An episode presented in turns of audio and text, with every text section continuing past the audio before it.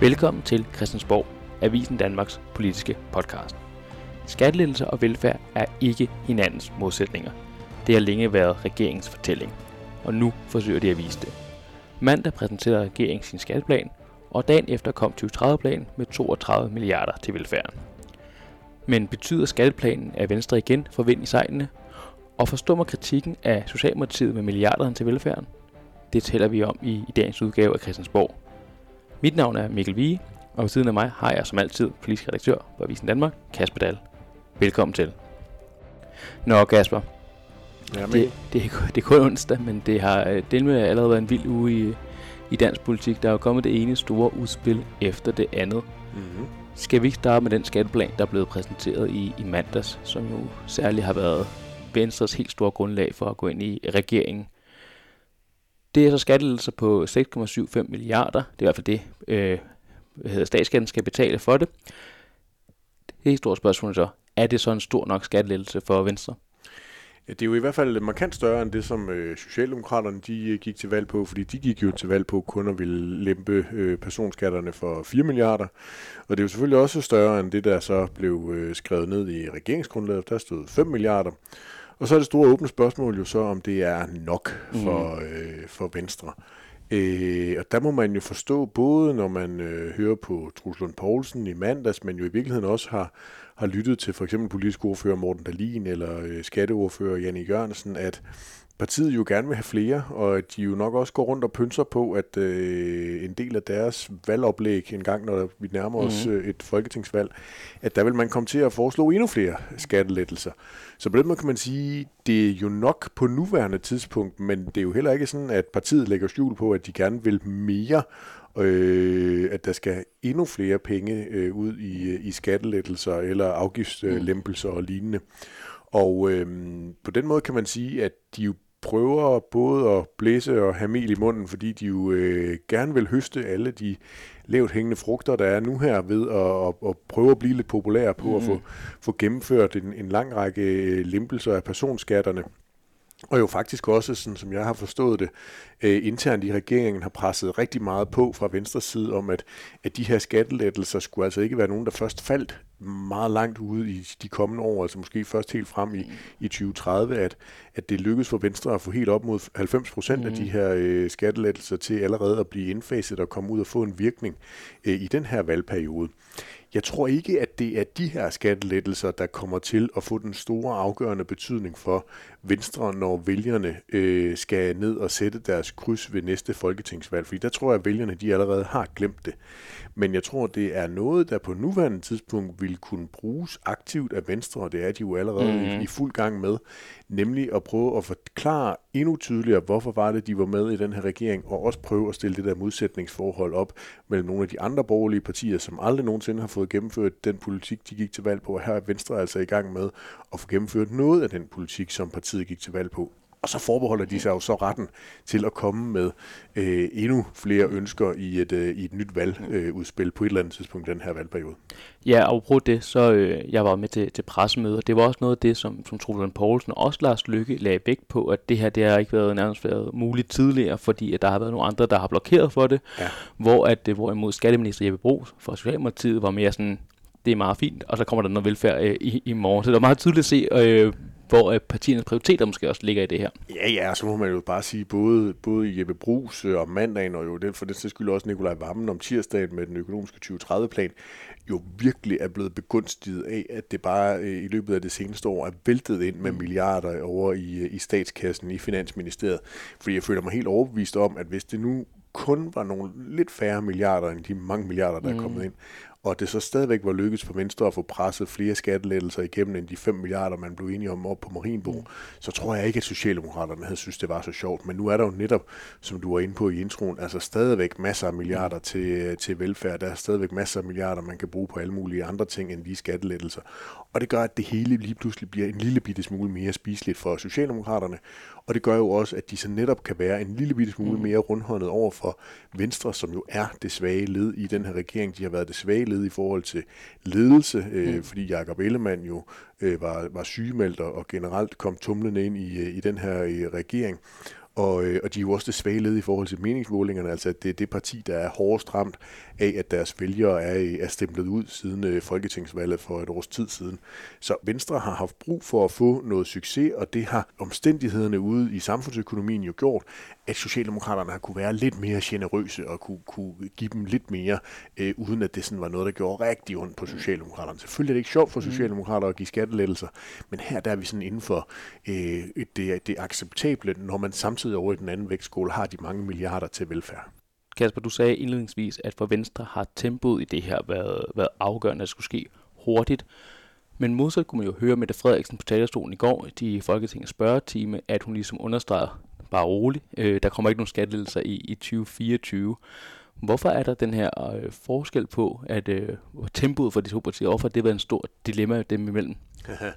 altså det, det, det nemmeste del, det er jo, at uh, Mette Frederiksen, hun har uh, den uh, sådan, uh, akutte udfordring, at hun har en lang række borgmestre, som er, uh, er sure over, at de har skulle være ude at spare. Mm. Så uh, for dem vil det selvfølgelig være en, en tårn i øjet, hvis de så inden for Christiansborg bare går i gang med at hælde uh, flere penge ud i skattelettelser. Så det var derfor, hun var ude og, mm. og prøve på at berolige folk om, at det er altså ikke lige til næste år, der, der kommer til at ske noget. Og så uh, for Venstre har det jo bare været vigtigt at få tingene gennemført. Altså få leveret på det, de øh, sagde i valgkampen, hvor de også var ude og gerne ville have lavere personskatter, få leveret på det, de nu har fået øh, aftalt i øh, regeringsgrundlaget fra Marienborg, sådan at der ikke på et eller andet tidspunkt, når nu de her tre partier, de ikke længere kommer til at være mm. i regering, kan ændres på det, hvad enten man kan begynde at droppe nogle skattelettelser, nogle gange ser man jo det, eller man også kan fremrykke mm. dem, så de kommer endnu hurtigere. Der har det bare været vigtigt for Venstrefolkene, at de her øh, at den omkostning, Venstre har taget ved at lide et kæmpe troværdighedstab over for vælgerne, øh, dykket i meningsmålingerne, at de får leveret på det. At det ikke er noget, der lige hokus pokus er i en eller anden stor forkromet øh, 10-årsplan, og først kommer, øh, ligesom man ser med forsvarsinvesteringerne mm. i 2033. Øh, der har det været vigtigt, at det er noget, næste gang Venstre skal møde vælgerne, så kan de sige, at de har altså leveret, de har sørget for, at danskerne har fået flere af de øh, penge tilbage mellem hænderne, som man har været ude og, og arbejde for. Men ser man også på Venstre, eller man snakker med deres folketingsmedlemmer, det er som en, som en sejr, fordi at øh, Socialdemokratiet gik jo også til valg på skattelettelser. ja. Jeg mener, det var omkring 4 milliarder, det ja. du også sagde. Øhm, og Venstre gik til, til valg på 8 milliarder, og nu er man så landet på et tal lidt midt imellem. Så er det den her store sejr for, for Venstre? Det er jo i hvert fald det indtryk, man får, når man taler med alle øh, Venstres øh, folketingsmedlemmer, at, øh, og det skal de jo sige. Mm, de, skal, det er klart. de skal jo sige, at det her det skal tales op, det her det skal være den store kronjuvel. Øh, det, og så også, at øh, der også bliver lempet på erhvervsskatterne, at der bliver tilført milliarder, man pakker det ind i sådan noget øh, iværksætteri, men dybest set er det, at man har tænkt sig at, at lempe nogle, øh, nogle skatter, som jeg forstår det. Og, øh, og det er årsagen til, at Venstre er inde i den her regering i hvert fald lige nu, og man er i gang med at gøre det til årsagen. Mm. Så bliver det jo så igen spændende at se, når man så er færdig mm. med de her skattelettelser, og det er man jo snart. Mm. Så i jul skal der jo ligge en, en aftale, og så er øh, folk videre, så begynder vi i stedet for at sidde og kigge på, øh, hvornår de der øh, ekstra penge, de begynder at, at kan ses på lønsedlen øh, så skal Venstre jo finde noget nyt, de er i gang med at kæmpe for. De skal finde en ny for- fortælling om, hvad det er, der er årsagen mm. til, at de er i, i den her regering. Det kan så være, at det ender med at blive, at de afbyder et eller andet i forhold til den der forfærdelige CO2-afgift på landbruget, mm. eller noget helt syvende. Den tid, den glæde. Vi skal også have noget at snakke ja, om i, i, i 2024. Så øh, på den måde har det været vigt, vanvittigt vigtigt for Venstre at få, få bundet regeringspartnerne og dem, der nu måtte ende med at være med i det her forlig til noget, der i den grad er blevet øh, til virkelighed, når man på et eller andet tidspunkt skal møde vælgerne igen. Mm. Og så hvis vi kigger på den virkelighed, fordi at det er rigtigt nok, at det er 3,3 millioner danskere, arbejdende danskere, som det bliver kaldt, som nu får ja. fat i de her skattelettelser. Øhm, og der er meget diskussion omkring, øh, hvem der fortjener det mest og, og mindre. Men hvis du ser på for eksempel en, øh, en pædagog, nyuddannet pædagog, så svarer det til omkring 140 eller 160 kroner ekstra øh, om måneden er det virkelig det, der kan gøre, at Venstre øh, nu rykker frem bussen og begynder at få vind i meningsmålingerne?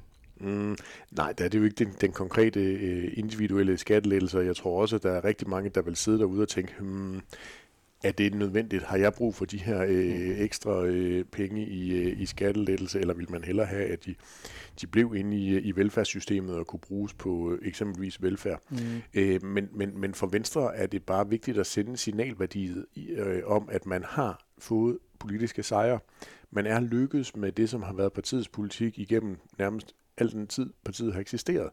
At skatterne skulle ned, folk skulle beholde flere af deres egne penge selv. Og øhm, Og det man lykkedes med her, og at man i, i den grad også lykkedes med at få afmonteret øh, det klassiske socialdemokratiske angreb på Venstre omkring skattelettelser eller velfærd, men mm. at det nu kan både kan være skattelettelser og velfærd. At man rent faktisk er i en så gunstig økonomisk situation i det her land, at man har råd til begge dele. Og det er vanvittigt vigtigt for øh, Venstre ind i en kommende valgkamp, hvor vi jo ved, at Venstre næppe kommer til at gå til valg på at fortsætte regeringssamarbejdet med Mette Frederiksen i, i spidsen, men, men at Truslund Poulsen nok kommer til at have en lidt mere øh, forsøge at have en lidt friere mm. rolle, og så efterfølgende vil, vil forsøge at se, om det er hos Mette Frederiksen, eller om det er hos en anden, han kan få mest af Venstres øh, politik øh, gennemført. Og så selvfølgelig også øh, over for, øh, for Blå Blok, altså at det nu er lykkedes for Venstre at fjerne det her, den, den, den hyppigste brugte angrebsflanke øh, fra øh, især Socialdemokraterne mod de borgerlige partier, som jo gerne, alle sammen mm. gerne vil have skattelettelser i dag, at de, øh, at de nu kan, kan rent faktisk sige, jamen prøv at, Mette Frederiksens Socialdemokrati er nu 2023 var altså helt med på, at der var både plads til 10 milliarder, som er det tal, venstrefolkene de er rejsende i, i skattelettelser, og masser af milliarder til velfærd. Og en ting er at få Socialdemokratiet til at acceptere, at skattelettelser og velfærd ikke er hinandens modsætninger, men noget det, de også lagde meget vægt på til, på pressemødet, det var jo, at det er de største skattelettelser i 10 år. Mm-hmm. Og det var altså noget, der ikke kunne lade sig gøre dengang, at konstellationen hed Venstre, Konservative og LA og med støtteparti for DF. Hvorfor er det, at de på et pressemøde i 2023 blev ved med at, at nævne det her? Jamen det er jo fordi, det stadigvæk er den her periode fra 15 til 19, som mm. er, står som sådan en skamstøtte over øh, de borgerlige partiers øh, ringe evne til at samarbejde. Altså at du havde Liberal Alliance med Anders Samuelsen i spidsen, der i den grad kravlede op i, øh, i trætoppen og, og øh, på ingen måde var øh, særlig fremkommelig med at få lavet nogle, nogle kompromiser omkring øh, sænkelsen af topskatten, og du samtidig også havde Christian Thulsen Dahl, der på det tidspunkt jo var det største parti i Blå Blok, der sad med korslagte arme og nærmest gjorde en dyd ud af mm. at få pillet alt, hvad der nu var, var være blevet, ind, blevet forhandlet ind i forskellige aftaler fra Liberal Alliances mm. side, prøve at se, om han ikke kunne få, have, få pillet det ud. Mm. Altså, det simpelthen var så dysfunktionelt i den periode, og der er det bare vigtigt for, øh, for venstrefolkene selvfølgelig at sige, at nu øh, er de trådt ud de får rent faktisk leveret på det, men jo også sende et skarpt signal til partierne i Blå Blok. Hey, prøv lige at se her, hvis I rent faktisk er med til at være duelige, så kan vi prøve at rykke Danmark i en retning, der er mere borgerlig end tidligere, og nu er det faktisk lykkedes for os at få Socialdemokraterne med på det. Et, et interessant perspektiv, jeg ikke synes, der er blevet dykket så meget ned i, for der er blevet snakket rigtig meget om Socialdemokratiet. Kunne de ligesom spise de her øh, topskattelettelser? Hvor meget kunne Venstre få ud af det? Men hvor står Moderaterne og Lars Lykke det? Er de bare hænderne over hovedet, og nu er det bare fedt og godt, eller øh, ja, kan du godt slå på, hvor, hvor det parti står? Ja, jeg er faktisk ret imponeret over Moderaterne, forstået på den måde, at jeg synes jo, det er det parti, der har lanceret den øh, mest velkomponerede kampagne i forbindelse med de her øh, skattelettelser, altså hvor de har deres øh, topfolk ude og lave de der små videoer, de små videoer ja. på sociale medier, øh, og, og få lavet det der slogan om, hvis man blander rød og blå, mm. så får man skattepolitik, man kan forstå. Mm. Og det, det, kommer, det nævnte han også på pressemødet. Ja, ja, vi kommer nok til at høre skattepolitik ja. blive trukket ud, og så kan man få udlændingepolitik, man kan forstå, og man kan ja. få alt muligt andet politik, man kan forstå. Øh, jeg synes faktisk, at, øh, og lige så vel som jeg var, øh, også tidligere har skrevet en, en analyse af, at jeg synes, de kommer rigtig godt ud af sommerferien, hvor det lykkedes dem mm. i løbet af sommeren at få sat øh, ekstremt meget fokus på øh, manglen på øh, arbejdskraft, og at de har et, et politisk forslag og ønske om at, at få lempet vilkårene for at få, få international arbejdskraft øh, til, til landet.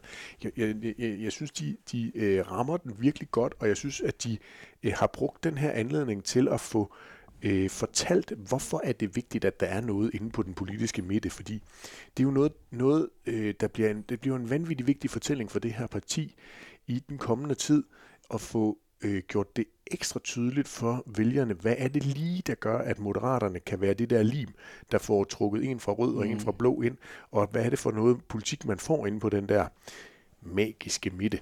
Øhm, hvor det jo nemt kan komme til at blive enormt teknokratisk. Det mm. kan blive, blive en, en, enormt sådan noget, vi gør for nødvendighedens politikagtigt. Og der lykkedes det dem altså med, med den her kampagne og, øh, og virkelig få understreget budskabet og nødvendigheden af moderaterne. Og det er jo ikke fordi, at, altså, det, det sagde Lars Lykke jo også, han synes det var pragtfuldt at få øh, give skattelettelser til det arbejdende folk, og han synes det var super fint mm. med den der top-top-skat, som han jo selv har været med til at, at opfinde ordet til, måske ikke lige den, den præcise udformning af selve øh, skatten er ikke det, der, der øh, nødvendigvis var Moderaternes skattepolitik, der har man valgt en lidt anden model. Mm. Men dybest set er det jo med til at sikre den balance, som de forsøgte at, øh, at lave i Moderaternes øh, skatteudspil fra, fra før øh, valgdagen. Og, og det understreger jo egentlig bare øh, pointen om, at de har ikke de store kvaler. De har ikke det store behov for at stå og råbe skattelettelser. De har heller ikke det store behov for at stå og råbe øh, velfærd, mm. men at de kan være med til at finde øh, nogle af de der kompromiser, der gør, at man kan samle øh, store partier inde på midten at være med til at holde yderfløjene ude af, af dansk politik, som jo er hele øh, fundamentet for Lars Lykkes øh, øh, parti. Ja, også igen bare en observation for det her pressemøde. Jeg tror, det mest brugte ord for Lars Lykke var balance. Ja. Altså, der er fundet en balance i det her, og de andre partier kan godt komme ind og prøve at forhandle, men det er den her, det er den rigtige balance mellem tingene, og han også, som du selv siger, det var også forholdsvis nyt, at han nærmest tog ejerskab over den her top-top-skat. Ja. Han sagde, ja, det er også der fundet på ordet, og vi står egentlig også inden for den. Og da man så kulturminister Jakob Inge Schmidt på Twitter, han siger også, nærmest Moderaterne har fået hele deres skattepolitik igennem. Vi har også fået top-top-skatten. Ja, ja. De tager simpelthen ejerskab over den. Og, og, og balance er jo et andet ord for kompromis. Mm. Øh, og, og det er jo også en vigtig pointe i Lars Lykkes øh, politiske projekt her, at der rent faktisk er en villighed blandt de tre partier til at gå på kompromis. Altså her under man hinanden, og kan godt se, at der er for eksempel et venstre, som lige nu er lidt nødlidende, og de har brug for nogle sejre. At man godt kan se, at man måske ikke lige kan presse Socialdemokraterne mm. til at bruge flere øh, milliarder på skattelettelser, fordi de også er nødt til at passe og pleje et, øh, et bagland med nogle øh, velfærdsmilliarder. Og den villighed til kompromis var der jo bare ikke fra 15 til, mm. til 19.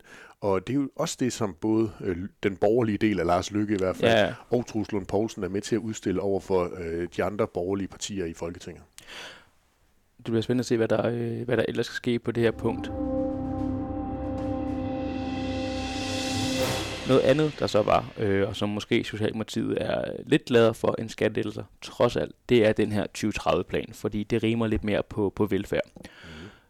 Det var Nikolaj Vammen, alene mand, der stod der og præsenterede hele regeringens 2030-plan, og hvordan alle de mange mm, ekstra milliarder i rådrummet nu skal bruges. Der blev lagt rigtig meget vægt på forsvar, klima og velfærd. Mm. Og hvis vi bare skal starte med, med velfærden, for det er der, den helt store klemme har været. 32 milliarder til velfærden. Er det så nok til at øh, lukke munden på de utilfredse socialdemokratiske borgmester? Nej, det var det jo ikke, fordi Jyllandsposten har jo en glimrende historie i dag om, at, øh, kommunens landsforening og socialdemokratiske borgmester jo lige siger, hov, hov, øh, Nikolaj Vammen. Det, Større var gaven heller ikke. Det er super fint, du står der og rejsende i 32 milliarder kroner. Det er jo teknisk set også øh, rigtigt. Når man så dykker ned i det, mm. så er der ud af de 32 milliarder, 19 milliarder, der skal gå til at dække det såkaldte demografiske træk. Populært, når der kommer flere ældre, når der kommer flere børn, så skal der også følge flere penge med fra staten ud til kommuner og regioner. Det er det, som man fra regeringens side også i dag kalder for et basisløft af velfærden.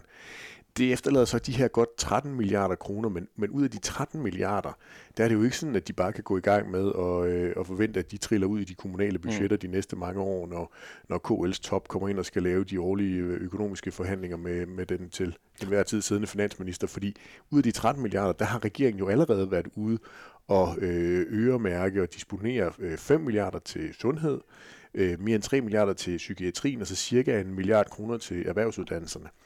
Det betyder jo så, at der frem mod 2030 altså er 4 milliarder kroner ekstra til indsatsen i for eksempel kommunerne. Mm. Og det, det er jo det, som borgmesterne er ude at sige, hov, hov, der er langt fra 4 milliarder til de 32 milliarder. Mm. Så det er, jo, det er jo rigtigt, der går 32 milliarder til velfærden, men nogle af dem var jo nogen, vi allerede havde lovet os skulle komme, og som vi allerede er i gang med at indregne i mm. vores budgetter. Så det er jo ikke dem, der gør, om vi kan genansætte nogle af de folk, der for eksempel er blevet afskedet i de her budgetforhandlinger, der har været her i løbet af efteråret. Nej, fordi pointen er, at når man alene bare dækker det demografiske træk, så bliver velfærden hverken bedre eller, eller, eller værre. Den følger bare det samme. Og ja. så kan man jo spørge danskerne derude, om de er tilfredse med den nuværende velfærd, og det er så der, at kritikken øh, kommer. Og det er jo der, hvor borgmestrene jo, må man formode, bliver de første til at møde vælgerne, i hvert fald når det er øh, folketingspolitikerne, der er deres konkurrenter, fordi der altså er et kommunalvalg i 2025, mm. og øh, spørgsmålet er, hvor mange af de der fire, fire overskydende milliarder, der kan nå at komme ud og virke i nogle øh, kommunale mm. budgetter, mm. inden at der altså er valgdag. Så jeg forstår godt, at der er nogle borgmestre derude, der lige er nødt til at, at lave en, øh, en lille øh, øh, oversættelse af, hvad det er, Nikolaj Vammen han, øh, han stod i går og præsenterede. Og en sjov pointe er også her, for så er der den her mixpulje, som både kan gå til velfærd ja. og til, til grønne initiativer, som ikke rigtig er besluttet på endnu. Det, det er jo også lidt en sjov politisk finurlighed at lave sådan en mixpulje, er det ikke? Jo, det kan jo gå ind med at blive sådan en rigtig, øh, sådan en rigtig ubehageligt øh, dilemma at placere øh, centrum venstre mm. i. Altså, hvad vil man helst? Vil man helst have, at nogle af de her milliarder skal gå til øh, klimainitiativer mm. og, og prøve på at være med til at nå vores øh, klimamål, eller skal de gå til bedre ældrepleje, bedre folkeskole, hvad det nu kan være ude i velfærds øh, Danmark? Det, det bliver altså ganske interessant at se, hvad, hvad det der det ender med, og så også, hvis, det, hvis vi når det i den her valgperiode, om, om der kommer et udspil fra regeringens side til, hvordan man skal fordele nogle af de der milliarder, altså hvad er det egentlig lige midterregeringen har af løsningsforslag til, eller politiske forslag til, hvordan man kan bruge de penge. Men nu, som jeg øh, har læst indtil videre, så har 2030-planen egentlig fået ret meget ros med, øh, med på vejen. Men er det egentlig et lidt et, et nederlag for Socialdemokratiet, når man ikke får dækket måske det velfærdshul, som de mange borgmestre snakker om? Nej, det er det ikke, fordi der er jo en anden ting, som også er i den her 2030-plan, nemlig fjernelsen af ønsket fra øh, Marienborg om at sanere i tilbagetrækningsordningerne. Mm. Der har man jo nu skrinlagt det ønske, der var om at prøve at, at lave den såkaldte øh, Arne Plus-ordning, men at man i stedet, og, og, og, og, i stedet for ville, øh, ville øh, nedlægge seniorpensionen, og, øh, og det er jo en sejr for, øh, for Socialdemokraterne, at man ikke længere behøver at øh, have bekymring ude blandt øh, centrum-venstre-vælgerne, og i særdeleshed i fagbevægelsen, for hvad er det nu, regeringen kan finde på at lave af uhyreligheder og forringelser på tilbagetrækningsområdet. Der har man jo simpelthen bare fået Venstre og Moderaterne til at acceptere, at det var simpelthen for stort et problem for øh, Socialdemokratiet. Og på den måde har de jo sådan ligesom givet og taget lidt ind i det der mm. øh, forhandlingsrum. Øh, og det synes jeg jo egentlig viser, at de tre partier gerne vil det her projekt stadigvæk. Altså på trods af, hvor elendigt det går ude i befolkningens øh, øh, altså hvor, hvor elendigt øh, befolkningen til synligheden, når der er, er meningsmålingsinstitutter, der ringer og spørger, synes, at det går for øh, regeringen, og ikke mindst øh, partierne individuelt, så viser det sig faktisk, at politikerne derinde stadigvæk har mm. en, øh, en tro på, at det her det er det rigtige projekt, fordi de har været forholdsvis large til at, at give hinanden de, øh, de ting, øh, de havde brug for. Og Socialdemokraterne havde brug for, at det her det blev, øh, mm. blev fjernet. Det ville være forfærdeligt for dem. De fik jo en lille forsmag på det lige efter øh, fjernelsen af Stor Bededag, hvor det var helt tydeligt, at fagbevægelsen og venstrefløjen kastede sig over det næste øh, uhyrelighed, mm. der lå i det der regeringsgrundlag set med deres øjne, og det var den her forringelse af tilbagetrækningsmulighederne. Så fik man sat det lidt på pause og fik det parkeret, og det skulle over i noget trepart, og det skulle dit, dat og dut, og, og siden har det jo så sådan ligget og, og boblet lidt, men nu har man jo så helt fået det skrottet, fordi Socialdemokratiets top godt ved, at det der, det var en kæmpe tabersag for dem, som de var nødt til at få stoppet med det samme. Men jeg har bare så mange øh, spørgsmål til den her Arne Plus, fordi de, har de undervurderet, hvor, hvor dårlig en sag det egentlig var, og hvorfor kan de undervurdere det? Fordi de vidste jo godt, at det var en forringelse af vilkårene for, for de nedslidte, og samtidig vidste de også godt, at det var en aftale, der var forlispålagt, så de kunne ikke bare lave det her om. Det skulle egentlig med andre partier ind over. Så, så er det, har det bare været et selvmål fra starten af? Ja, altså Nikolaj Vammen fik jo det spørgsmål i går ved præsentationen, om det kom som en overraskelse for ham, mm. at han på den måde havde været med til at skabe usikkerhed på området, fordi det er jo det argument, de bruger i dag, at hov, ved det, at vi skrev noget om det i, øh, i regeringsgrundlaget, så har vi skabt massiv usikkerhed. Ja. Øh, det, det burde man jo ligesom kunne, kunne se, og det kan de jo også, ja. fordi det er jo kloge, fornuftige mennesker, vi har til at, øh, at, at lede landet, så det vidste de jo godt, at det var det, der ville ske. Men lige så vel som jeg tror, at de blev voldsomt overrasket over surheden, mm. øh, den dybfølte vrede over fjernelsen af Stor Bededag, tror jeg, at de har været enormt overrasket over, at der var så store følelser i øh, den her, de her forskellige tilbagetrækningsordninger, og at man ikke, fordi det var jo meget det, der ligesom virker til at være ånden fra mm. Marienborg, den nok så berømte ånd fra Marienborg, som jo i virkeligheden er sådan en, en, en, en fornuftens ånd, og det, det, det giver jo rent fornuftsmæssigt og lavpraktisk god mening, at der er ufattelig mange ordninger, man kan lade sig trække tilbage på. Det er enormt dyrt for samfundet, og der er virkelig mange ordninger, som er, altså bare administrationen af mm. de der mm. ordninger er jo også bare dyr. Så det giver jo sådan politisk, logisk god mening at sætte sig ned og kigge på, hvordan kan vi øh, få saneret i det, så der måske kun er en, to ordninger, man kan, man kan bruge alt efter, øh, hvordan og, og med hvilke argumenter man gerne vil trække sig tidligere tilbage fra arbejdsmarkedet. Men, men øh, den der øh, logik, fornuft fra ånden på Marienborg har jo så fuldstændig misforstået, mistolket når det så kommer ud og, og rammer virkeligheden, hvordan det vil blive modtaget. Og det samme skete med Storbededag. Men tror du også, at det her det er et udtryk for, at meningsmålinger begynder at spøge lidt hos Socialdemokratiet, for de er jo også på vej ned. Det er jo ikke kun øh, Venstre. Nej, det tror jeg nødvendigvis ikke, fordi de har jo dels langt mere at, at tage af, og så har de jo også stadigvæk folketingsvalget øh, fra et års tid en mente, hvor man jo virkelig fik øh, mm. rykket rigtig, rigtig, rigtig meget i løbet af sådan en, øh, en valgkamp, hvor man også havde elendige målinger og ender med at få et, et super flot øh, valgresultat på 27,5 procent. Så, så jeg tror ikke, Socialdemokraterne er begyndt at ryste i bukserne endnu over meningsmålinger. Jeg tror simpelthen bare, at de er gået i gang med at rydde op i nogle af de der sten i skoene, som de ved kan blive problemer. Og også fordi der er så god en økonomi i mm. det her mhm. samfund, at det ikke er pengene, der er et, øh, et problem. Og hvorfor så tage den omkostning, det er rent vælgermæssigt, på nuværende tidspunkt at gå i gang med at, at kigge på det, så må man gøre det på et andet tidspunkt, og så kan det jo være, at nogle af de der ordninger også helt øh, løser sig selv ved det, at der så måske er færre, der begynder at, at bruge dem, eller at øh, for eksempel efterløn, der er jo nærmest ingen, der efterhånden i dag øh, kommer ja. på øh, efterløn længere. Den, den, den ordning er jo ved at, at overleve sig selv. Så øh, jeg, altså, kan det løse sig selv hen af, af årene, vil man jo hellere det, i stedet for at tage de politiske omkostninger med at, at fjerne det. Et andet øh, spændende perspektiv på det her, det er jo også, at da regeringen skulle præsentere sig selv og præsentere regeringsgrundlaget, der stod Mette Frederiksen og sagde, vi står ved det her, også selv når det kommer til at storme. Nu stormede det, og så stod det måske ikke helt øh, ved, ved det alt sammen. Kan det åbne nye flanker for, at der er noget i regeringsgrundlaget, der er til genforhandling? For eksempel tænker jeg, at der er nok en del venstrefolk, der godt kunne tænke sig, at den her CO2-afgift øh, på landbrug måske skulle til at genforhandles. Det tror jeg også, der er en del af venstrefolk, der nu håber, at øh, Truls Poulsen han kan kan øh, få de to andre til at, at droppe den der øh, idé om en øh, CO2-afgift. Og jeg tror, hvis Truls Lund Poulsen han tog på den samme baglandsturné, som Jakob Ellemann han nåede at, øh, at gennemføre, så var der helt sikkert rigtig mange venstrefolk, der vil netop bruge parallellen mm. til seniorpensionen og sige, når, men når Mette hun kunne få jer to andre til at droppe det Arne Plus-ordningen, kan du så ikke få de to andre til at droppe CO2-afgiften? Men der er bare forskel. Øh, der er dels forskel i forhold til, at øh, CO2-afgiften, hvis Socialdemokratiet skal have nogen chance for at med troværdighed sige, ja. at de også er et grønt parti, der går op i klimaet, så er de nødt til at få gennemført en, en CO2-afgift på landbruget. Og så er der også bare forskel på, at Socialdemokraterne har altså 50 mandater og udgør langt størstedelen af øh, hele den her regerings øh, parlamentariske øh, grundlag, nemlig sig selv. Og, og der er bare forskel på, om du sidder med 23 mandater hen i sådan en forhandlingslokale, eller om du har 50. Mandaternes logik vinder altid. Men vil baglandet ikke have et argument her? Fordi indtil videre har Truslund Poulsen at sige, at vi står ved det regeringsgrundlag, vi skrev under på. Og nu kan det virke til, at man kan godt lave om på det regeringsgrundlag. Så vi, kan det godt skabe et problem for Trusson Poulsen? Fordi baglandet vil jeg sige, jo jo, men hvis Mette Frederiksen kunne få fjernet den her skovsnegl, hvorfor kan vi så ikke få fjernet den her skovsnegl? Jo, men det er der, hvor det bliver rasende interessant at se, hvad Truslund Poulsens øh, politiske tilgang til klimaområdet jo bliver, når han, må vi jo formode, inden for den, de næste timer bliver erklæret øh, som ny formand for, øh, for Venstre. Vi optager jo her onsdag eftermiddag, og det er jo i dag, at deadline er for at øh, stille op som, øh, som Venstres øh, formandskandidat og komme i et kampvalg med Truslund Poulsen.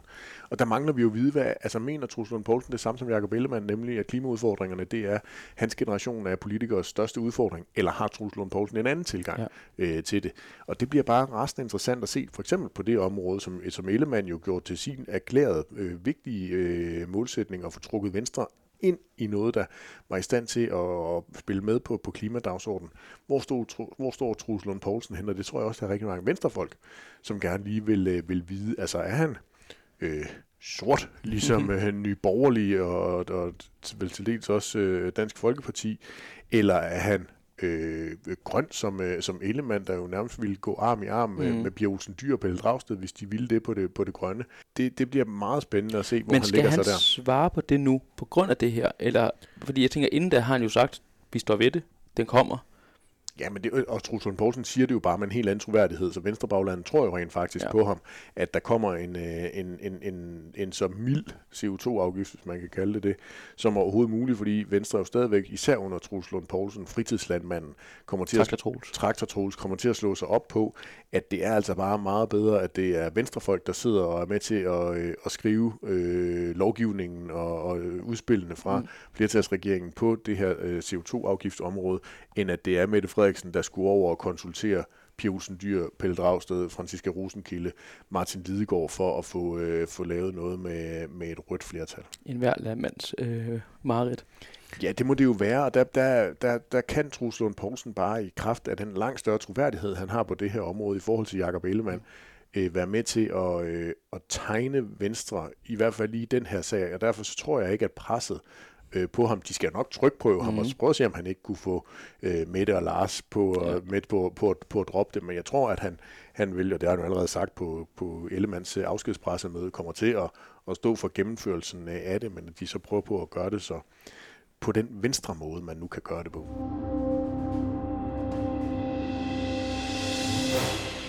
Hvis vi skal se lidt fremad her, Kasper, hvad har vi så øh, at vente af gode ting at sige på Avisen Danmark.dk? Øh, jamen, øh, i weekenden, der er jo selvfølgelig naturligt nok nu her øh, i de her dage meget fokus på, hvem bliver Venstres øh, næste formand, mm. men det er jo altså først lige om 10 dage, at, ja. øh, at det parti, de har indkaldt øh, tropperne til landsmøde i Herning. Allerede i den her weekend, der har øh, Inger Støjberg og Danmarksdemokraterne jo øh, partiets første landsmøde. Mm. De øh, samler folk i Aalborg, hvor øh, Inger Støjberg jo også er stillet op og, øh, og valgt, og der er omkring en 5.000 øh, partimedlemmer og også såkaldte støtteforeningsmedlemmer, altså nogen, der, der har meldt sig ind i deres øh, venneklub, som er inviteret til, øh, til partiets første årsmøde. Så det er jo selvfølgelig altid øh, rasende interessant at se, hvordan det kommer til at, øh, at spænde af. Og, øh, og der er mit indtryk, at, øh, at Støjberg og, øh, og company vil prøve at se, om de ikke kan øh, selvfølgelig få Inger Støjberg til at tegne butikken, men jo også prøve at præsentere øh, vælgerne og omverdenen for, at der rent faktisk mm. er andre politikere i øh, Danmarksdemokraterne end lige øh, Inger Støjberg. Ja, fordi hvad foregår der egentlig i Danmarksdemokraterne nu her? Fordi de virker til at være forholdsvis øh, stille udad til. Ja, det er jo sådan øh, den, den, øh, det er jo den linje, Støjberg også gerne vil, vil have, altså at de prøver på ikke at lave øh, for meget ballade, ikke for mange skøre ting, mm. øh, at de øh, virker som øh, nogle borgerlige stemmer, der arbejder, ja. for at bruge nogle, nogle gode klichéer fra de borgerlige partier. Og øh, de prøver jo dels at komme med i så mange af de nye forlig, der bliver indgået rundt omkring. Øhm, de vil gerne forsøge at se, om de kan komme i spil til både skatteaftale, finanslov, se om de kan få, få nogle af de her fire mærkesager, som partiet er, er rejsende i, og se om de kan få, få gennemført nogle ting på, øh, på de områder i de forhandlinger. Og så har de jo forsøgt at banke, døren, øh, banke på døren til nogle forskellige forligskredse, hvor, øh, hvor de nogle gange bliver øh, lukket ind, og andre gange, hvor de jo for eksempel, når det gælder øh, politiforliget, og når det gælder folkeskoleforliget, får at, øh, at vide, at, øh, at der er de altså ikke lige mm. velkommen på nuværende tidspunkt. Så, øh, så de forsøger sådan at se, hvor, hvor er det, at de kan komme ind og, øh, og gøre sig gældende i de aktuelle forhandlinger, og hvor er det, de kan tiltræde nogle forskellige forlig, og på den måde blive en del af nogle forligskredse, og komme ind og, og prøve at se, om de kan sætte deres aftryk på forligene, når de så skal føres ud i livet. Ikke de aftaler, der er indgået, fordi det er jo for sent, men når de så skal føres ud i livet. Og ikke fordi det skal handle om Danmarks Danmarksdemokraterne nu her, men hvad er dit indtryk egentlig øh, for Danmarksdemokraternes forhold til regeringen? Fordi Venstre øh, store øh, fjende, det er vel Danmarksdemokraterne især på det her spørgsmål om, om landbrug og CO2. Så vil, har Venstre en interesse i, at, at de vil lukke ind i de her forlig og til de her forhandlinger? Jamen, jeg tror egentlig gerne, at øh, det, det, det, er jo sådan, det er jo et super godt spørgsmål, fordi det, det er jo virkelig strategi på højt niveau.